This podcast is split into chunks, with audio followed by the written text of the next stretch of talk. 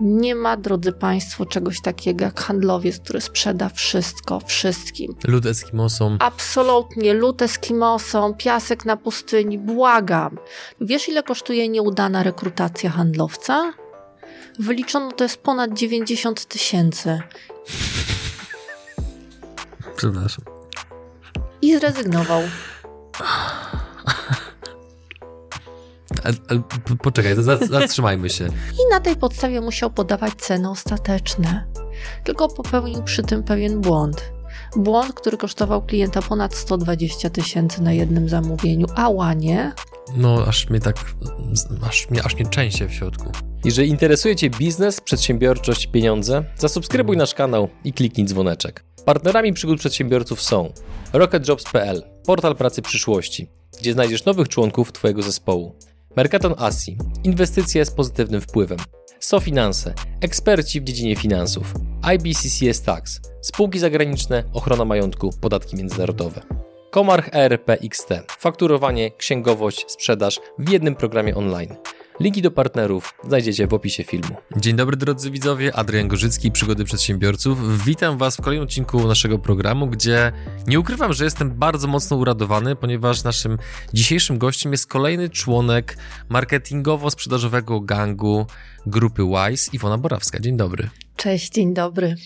To, co musicie wiedzieć o Iwonie, to to, że ona jest jednym z absolutnych kluczowych członków zespołu całej grupy i jest jedną z tych osób, których generalnie boi się Szymon i też jest jedną z tych osób, dzięki którym Szymon może jeździć RS6. Ale śpieszę z wyjaśnieniem, żebyś się nie, e, aż tak bardzo nie ekscytował. E, więc, e, droga Iwono, powiedz, o czym dzisiaj będziemy rozmawiali?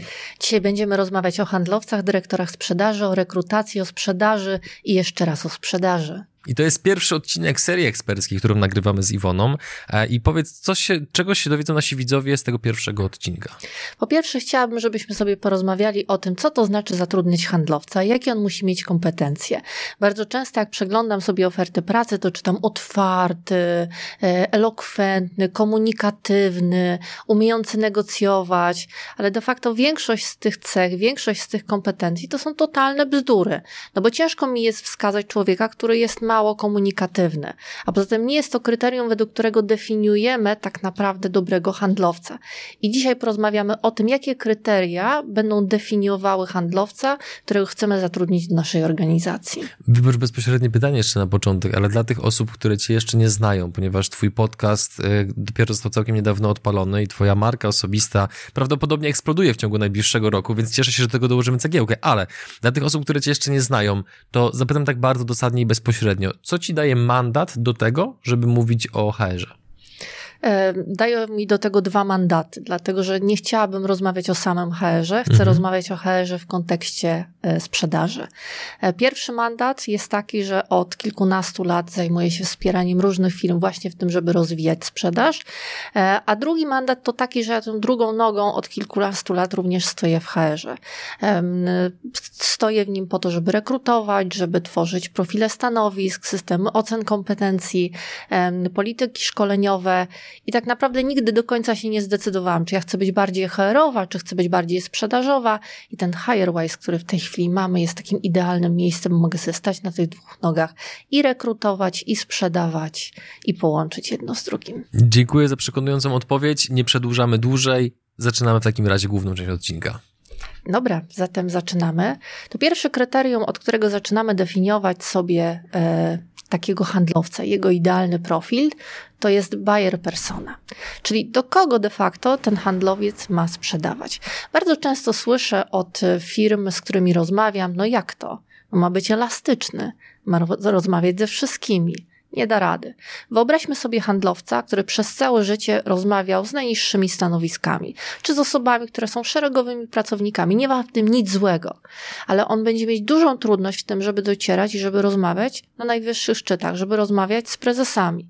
Dlaczego będzie mieć taką trudność? Dlatego, że ile razy rozmawiam z handlowcami, którzy nigdy nie byli e, w zarządach, to oni mówią, no wiesz Iwona, ale ja mam takie, no, obawy mam, nie? Znaczy, bo, bo co, ja mogę pójść i co ja mu powiem? To nie jest tak, że ludzie, którzy są w zarządzie, to są jacyś nadludzie, e, oni są jacyś, nie wiem, gryzą, kopią i w ogóle lepiej się do nich nie zbliżać. Natomiast są to ludzie, którzy bardzo mocno dbają o swój czas. To jest taki przykład typowy C-level, typowa persona Y, czyli persona, która bardzo mocno dba o swój czas. No i jeżeli chcemy dotrzeć do takiego prezesa, to co należy zrobić? Przede wszystkim, jeżeli zaczynamy rozmowę, to ja mu jeszcze nic nie sprzedaję, tylko ja muszę mu zachęcić, e, zachęcić go do tego, że będziemy e, rozmawiać i ten jego czas to jest zasób, który on wydaje. Więc muszę mu pokazać, że to, o czym będziemy rozmawiać, jest dla niego jakąś wartością.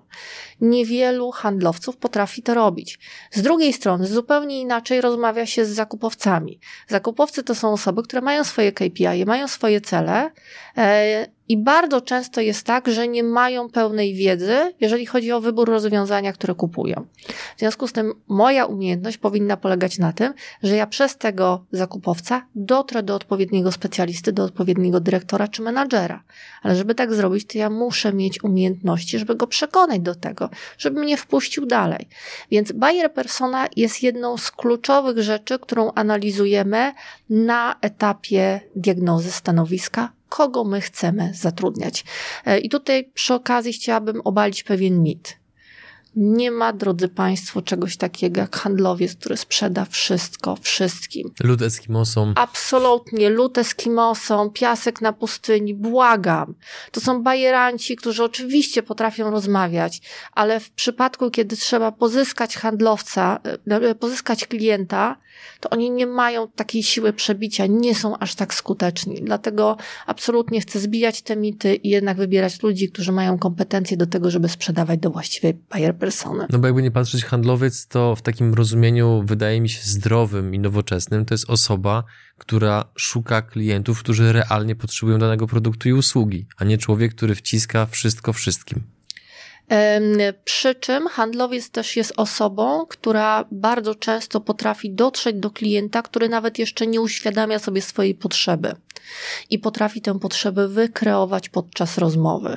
Czy jest tak, że ja mogę być świetnym ekspertem z rynku, nie wiem, produkcji. E, I teraz docieram do takiej firmy produkcyjnej i wiem o tym, że te firmy będą lada moment mieć problem z personelem.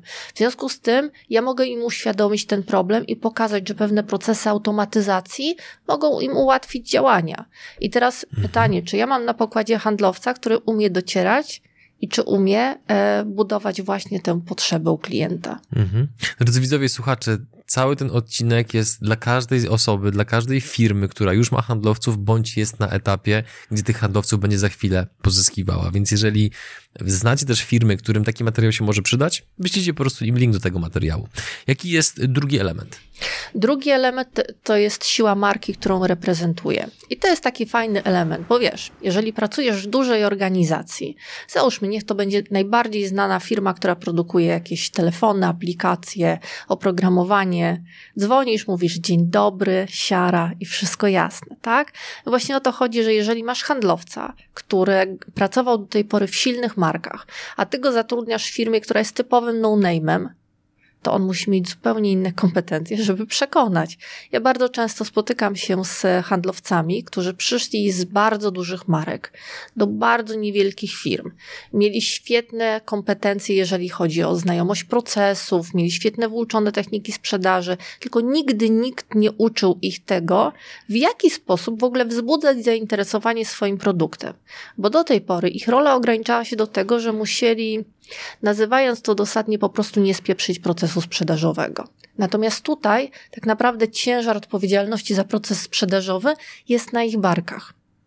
E, I to, jakie firma daje ci zaplecze marketingowe, jak silna jest marka, będzie determinowało sposób pracy handlowca. Mhm. E, mam znajomego, który sprzedaje kawę.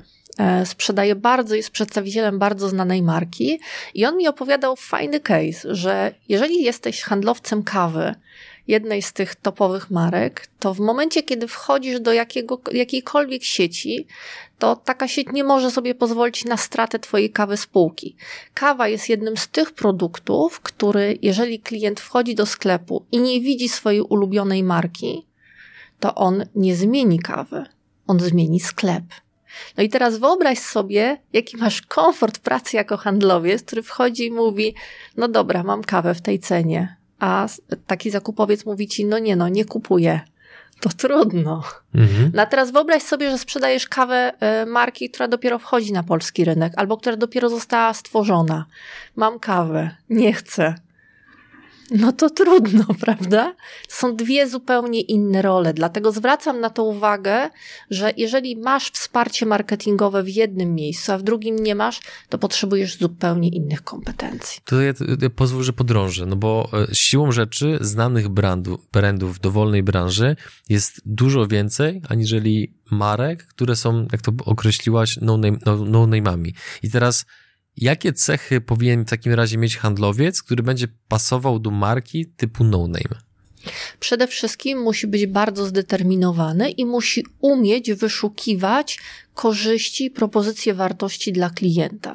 No bo jeżeli ja przychodzę do ciebie i chcę ci sprzedać kawę, wodę, szklankę, cokolwiek, to ja muszę przekonać cię do tego, żebyśmy w ogóle porozmawiali. Tutaj nie jest czysto taka transakcyjna rozmowa, że ja mam najfajniejszy produkt, on jest w najniższej cenie, tylko tutaj rozmowa jest pokazująca, że dzięki moim produktom, czy też dzięki moim rozwiązaniom, ty w jakiś sposób złagodzisz swój ból albo go w ogóle usuniesz. Może na przykład dzięki moim produktom e, będziesz w stanie dotrzeć do zupełnie nowej grupy klientów. Może być tak, że jeżeli mówimy o produktach półkowych, rozszerzysz sprzedaż swojego asortymentu. Może być tak, że dzięki mojemu oprogramowaniu ja usunę Twój ból dotyczący tego, że jest bardzo słaby serwis właśnie w tej dużej marce, e, o której rozmawiamy. Tylko ja muszę umieć po pierwsze zbadać Twoje potrzeby, dotrzeć do Twojego bólu, ale wcześniej, zanim to w ogóle nastąpi, ja muszę Cię zaciekawić propozycją wartości. W związku z tym ja muszę wiedzieć, jak firmy podobne do Twoich, z jakimi mierzą się problemami na co dzień. Mhm. Okej. Okay. Dziękuję. Punkt numer trzy. Punkt numer trzy to jest właśnie propozycja wartości, z jaką przychodzę.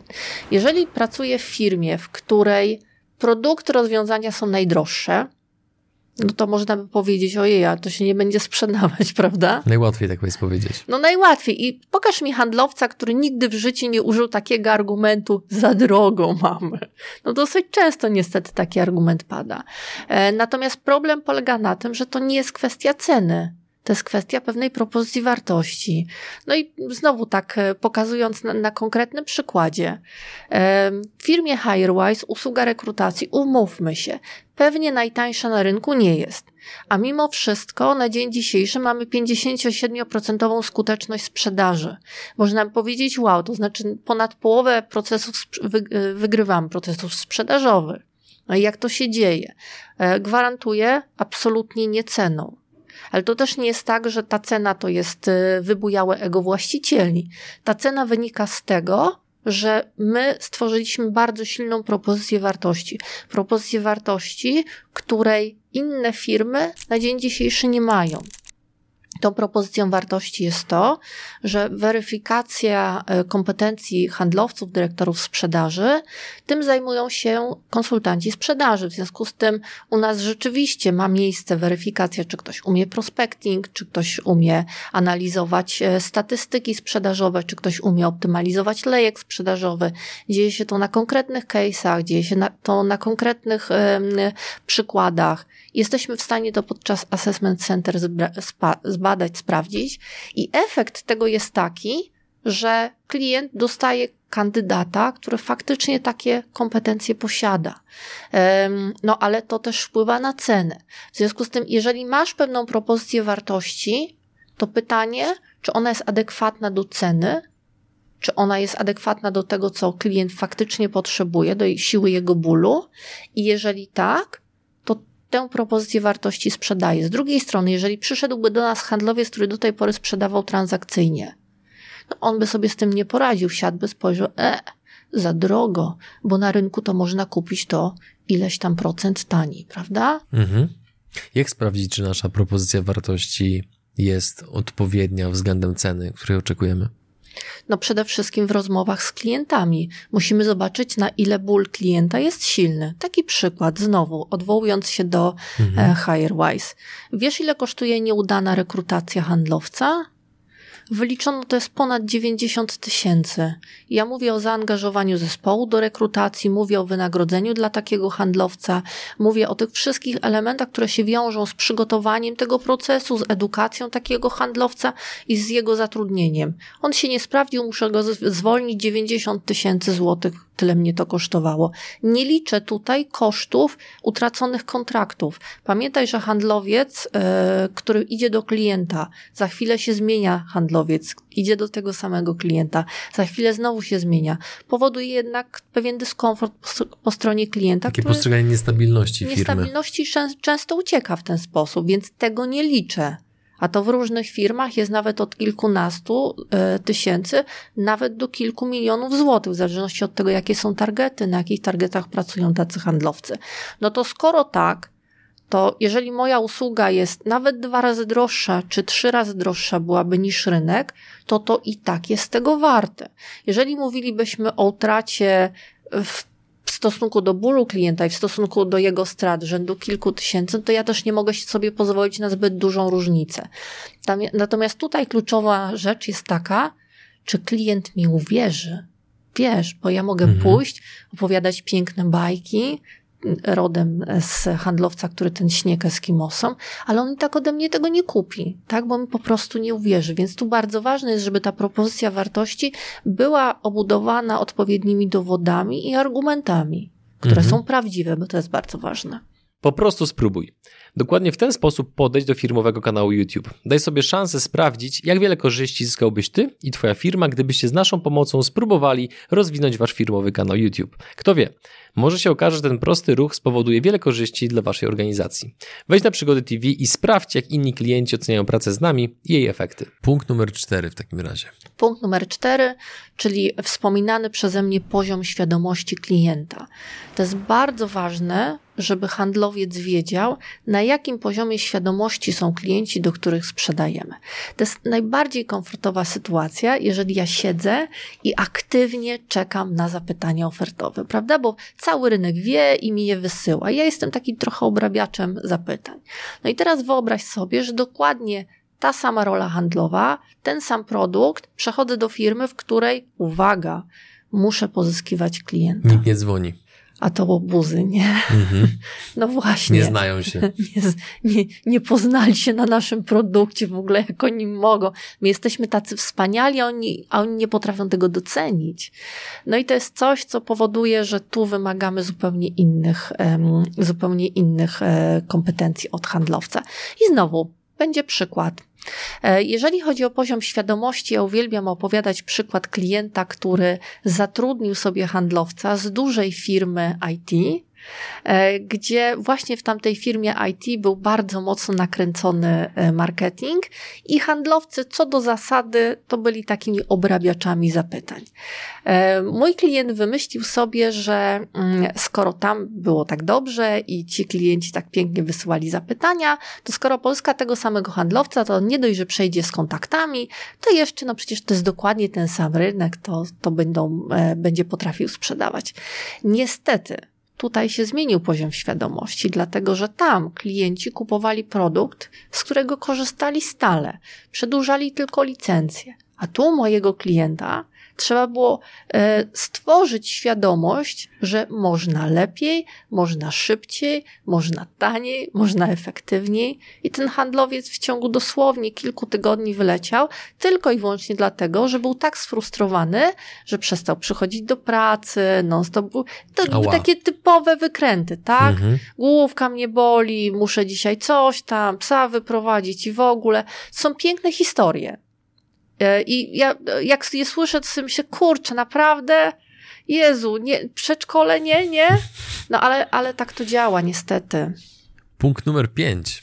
Punkt numer pięć. E, mój ulubiony. Długość procesu zakupowego. E, znam firmy, których proces zakupowy, proces sprzedaży w związku z tym rozpisany jest na 4-5 lat. To znaczy od pierwszego dzień dobry do klienta do momentu podpisania umowy musi minąć kilka lat. Dlaczego? Zdradź, co to jest za sektor, bo to aż ciężko sobie wyobrazić. E, firma budująca fabryki. Okej. Okay. Prawda? Okej. Okay. No to, to już brzmi tak No, mocno. Mocno. No i teraz wyobraź sobie, że handlowiec, który sprzedawał do tej pory na krótkich procesach, poszedłby do takiej firmy fatalnie. On po pierwsze nie ma bladego pojęcia, kurde, co ja mam przez te 4-5 lat robić, nie? Znaczy, dzień dobry, co słychać, wysyłać dobrze, to pa, wysyłać paczki na święta, jeździć z winami. No, no nie, to nie o to chodzi. To jest tak, że proces e, zakupowy klienta, on się na każdym etapie kończy jakimiś decyzjami. Dzisiaj nasza decyzja jest taka, że zainteresowałam się i w ogóle chcę z Tobą rozmawiać. To jest pierwsza decyzja.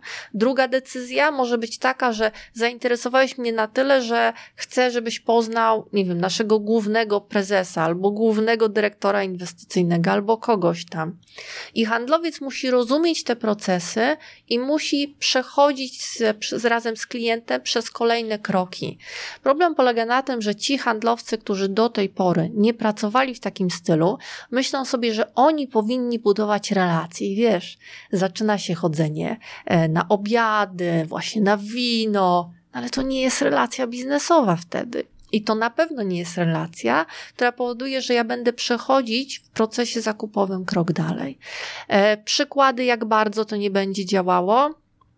Znam tutaj opowiem o, o, przykładzie w drugą stronę. E, znam firmę, która pracuje w bardzo krótkich cyklach zakupowych. To jest tak, że oni sprzedają konkretne elementy wyposażenia na produkcji. Pomyśleli sobie, że zatrudnią e, osobę, która pracowała na dłuższych, takich półtora rocznych procesach sprzedażowych i były to procesy różnego rodzaju linii na produkcji. Oni sobie pomyśleli, że to jest świetna wartość. Przyjdzie mi taki handlowiec, e, on już zna te fabryki, wie jakie rozwiązania tam działają w ogóle, no to on przyjdzie, to bardzo łatwo mu przyjdzie e, sprzedaż tych krótkich i, i prostych e, narzędzi czy też części. No i jaki ząg, bo on przyszedł i on wiesz, chciał rozmawiać badać potrzeby, e, chciał e, weryfikować, jak to wygląda na produkcji. Marnował strasznie dużo pieniędzy na częste dojazdy i wyjazdy do klienta, co niestety ale obciążało koszty sprzedaży. No ale marży z tych drobnych rzeczy nie było na tyle, żeby pokryć te koszty. E, więc w drugą stronę to też niestety, ale nie jest dobra zmiana. Mhm. Punkt numer sześć. Punkt numer sześć to jest rola handlowca i jego zadania w procesie sprzedażowym. E, I tu znowu, e, zanim opowiem o szczegółach, to pewien przykład. Mój klient, który jest producentem spożywczym, mało znana firma, ale jednak bardzo prężnie działająca, wpadł na genialny pomysł.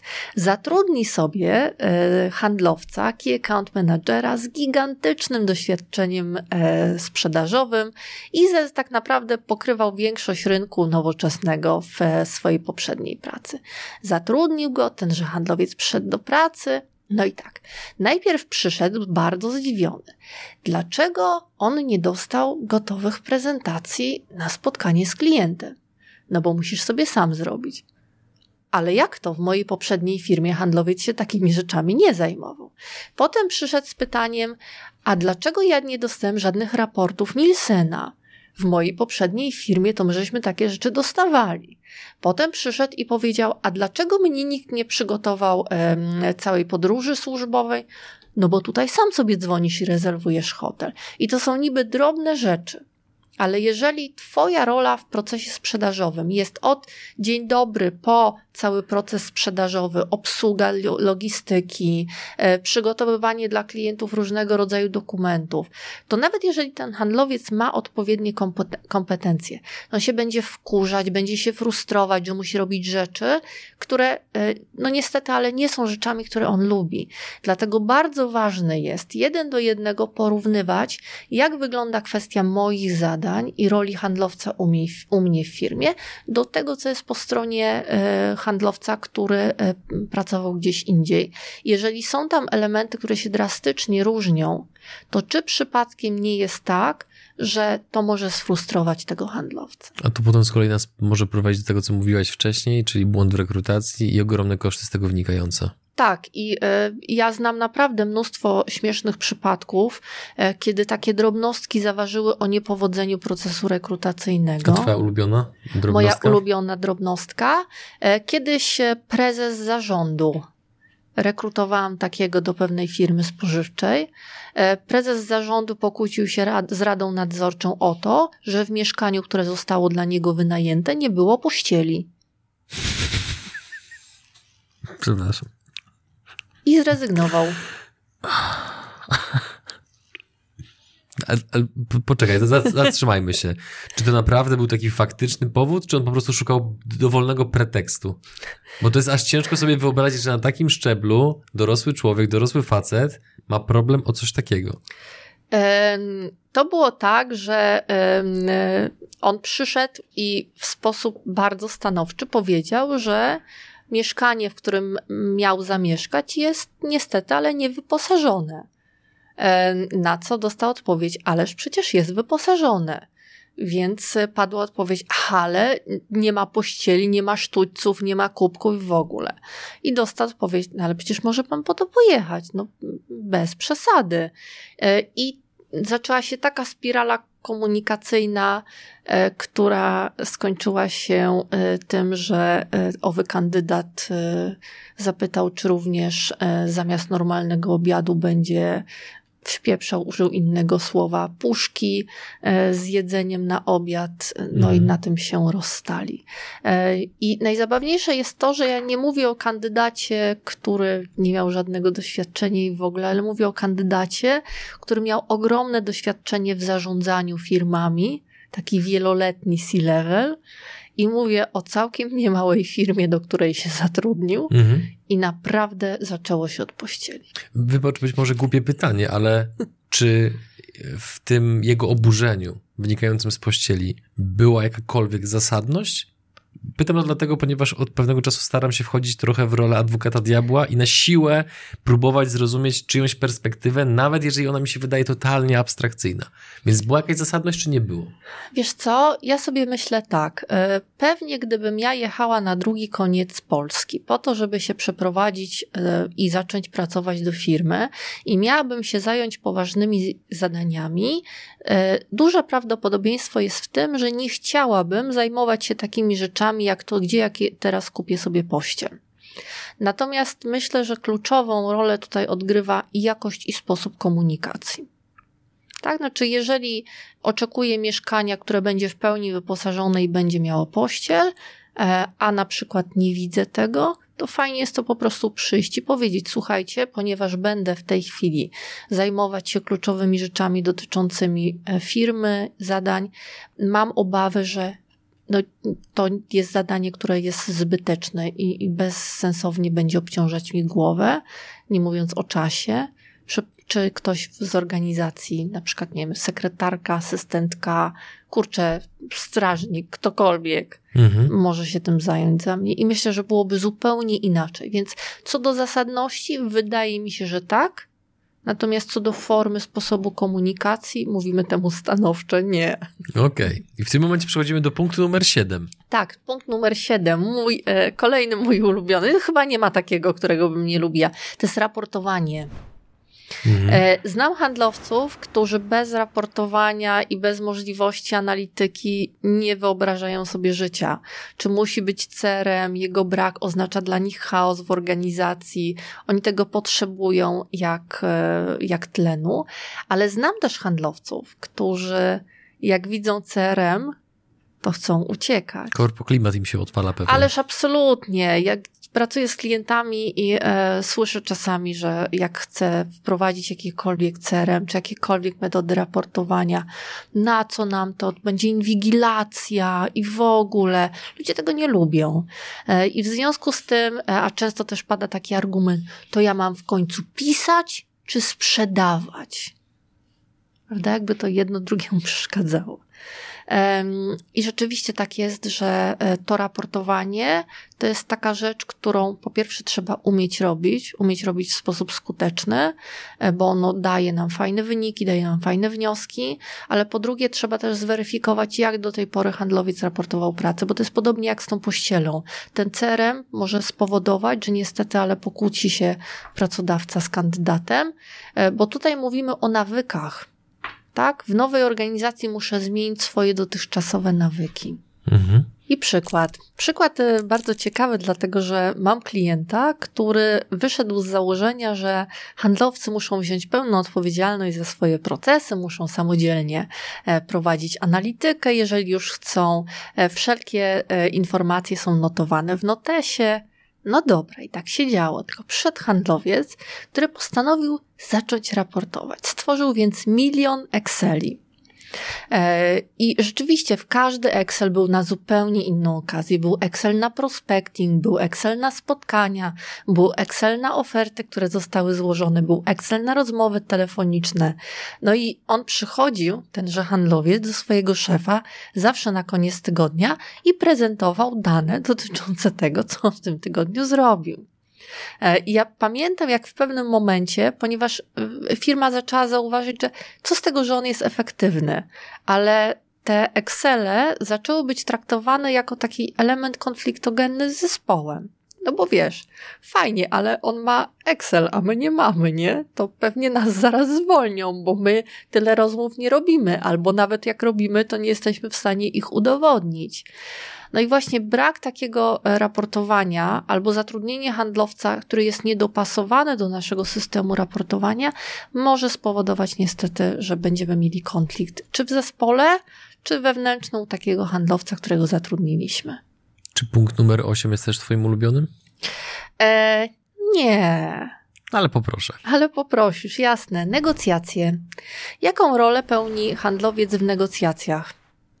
To znaczy, czy ja mam stałe cenniki i ja idę i mówię, jest tyle, kropka, czy ja idę i odpowiadam i weryfikuję e, kwestię marży. I tu znowu e, przykład. Mam klienta, który zatrudnił sobie handlowca, pracującego wcześniej na bardzo wyraźnie wskazanych cenach. Była możliwość negocjacji, ale było napisane od jakiej wartości do jakiej wartości, o ile procent jesteśmy w stanie zejść, od jakiej do jakiej, o ile procent. Natomiast w nowym miejscu pracy w ogóle nie było takich widełek. Czy handlowiec musiał usiąść, przeliczyć sobie, ile będzie kosztować transport, ile będzie kosztować wsparcie marketingowe, e, ile kosztuje jego praca, Miał do tego oczywiście pewien Excel, pewien kalkulator i na tej podstawie musiał podawać ceny ostateczne. Tylko popełnił przy tym pewien błąd. Błąd, który kosztował klienta ponad 120 tysięcy na jednym zamówieniu, a łanie. No, aż mnie tak, aż mnie, aż mnie w środku. To jest dosyć częste, jeżeli um, przechodzimy z jednego krańca na drugi kraniec, jeżeli chodzi o styl sprzedaży.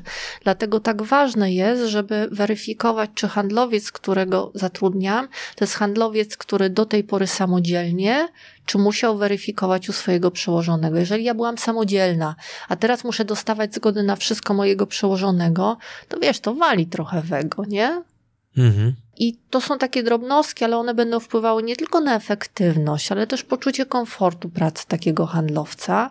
Stąd też jest to istotny bardzo element. To punkt numer 9 w takim razie, ostatni w punkt tym odcinku. Numer, numer 9. E, uwaga, punkt numer 9 będzie pewnym odsłonieniem się ze swojej słabości. Punkt numer 9 to są kwestie formalne. Dlaczego o nich mówię? Dlatego, że musimy sobie zdawać, że nasi handlowcy też mogą mieć bardzo różne podejście do kwestii formalnych. Kwestii formalnych, czyli umiejętności zapanowania nad biurokracją, umiejętności um, zapanowania nad umowami. I teraz, jeżeli ja mam w swojej organizacji bardzo wysoki poziom skomplikowania, jeśli chodzi o biurokrację, to drodzy Państwo, ja nie byłabym właściwym kandydatem do Was do sprzedaży. Jestem osobą, która E, pomimo kompetencji sprzedażowych, tak nieskromnie powiem, e, niestety, ale e, papierowo zupełnie nie. Potrafię złożyć podpis nie w tym, co trzeba miejscu, posiać umowę, nie zapanować nad umowami, zebrać podpisy tylko na części rzeczy, a te kwestie formalne to, czy ktoś potrafi, czy ma kompetencje do tego, żeby czytać i dyskutować z klientem o e, zapisach umownych, to czy potrafi zapanować nad tym, żeby w odpowiednim terminie dostarczone były jakieś dokumenty, to jest bardzo istotna rzecz. One nie będą wszędzie ważne, ale jednak w wielu przypadkach będą bardzo istotne. No i znowu, e, mam firmę, która sprzedaje soft e, i sprzedaje soft z licencjami do konkretnego, do określonego czasu. E, I handlowcy są odpowiedzialni za to, żeby na trzy miesiące przed tym, jak kończy się licencja, zadzwonić do klienta, żeby odnowić, żeby omówić szczegóły, żeby dać, dać odpowiednie rabaty. Są handlowcy, którzy totalnie tego nie pilnują, nie są w stanie nad tym zapanować, przez co firma ma bardzo dużą utratę yy, klientów. Dlatego, że handlowcy, którzy tam pracują, nie są nauczeni pracy w takich trybach czysto czasowych. Mhm. Tu stawiamy przecinek przed drugim odcinkiem, prawda? Tak. Drodzy widzowie, słuchacze, jeżeli to, co powiedziała wam Iwona w tym odcinku jest dla was przekonujące, dla mnie jest, bo jesteś chyba pierwszą osobą, która w sposób tak zrozumiały mówi o kwestiach HR-owych, więc cieszę się, że nagrywamy ten materiał. Dlatego też, jeżeli to, co mówiła Iwona jest dla Was przekonujące, to wszystkie potrzebne linki znajdziecie w opisie tego filmu. Zapraszamy do kontaktu z Iwoną oraz z firmą HireWise, a tymczasem my robimy sobie krótką przerwę i za chwilę szykujemy się do nagrania drugiego odcinka serii eksperckiej. Do zobaczenia. Cześć.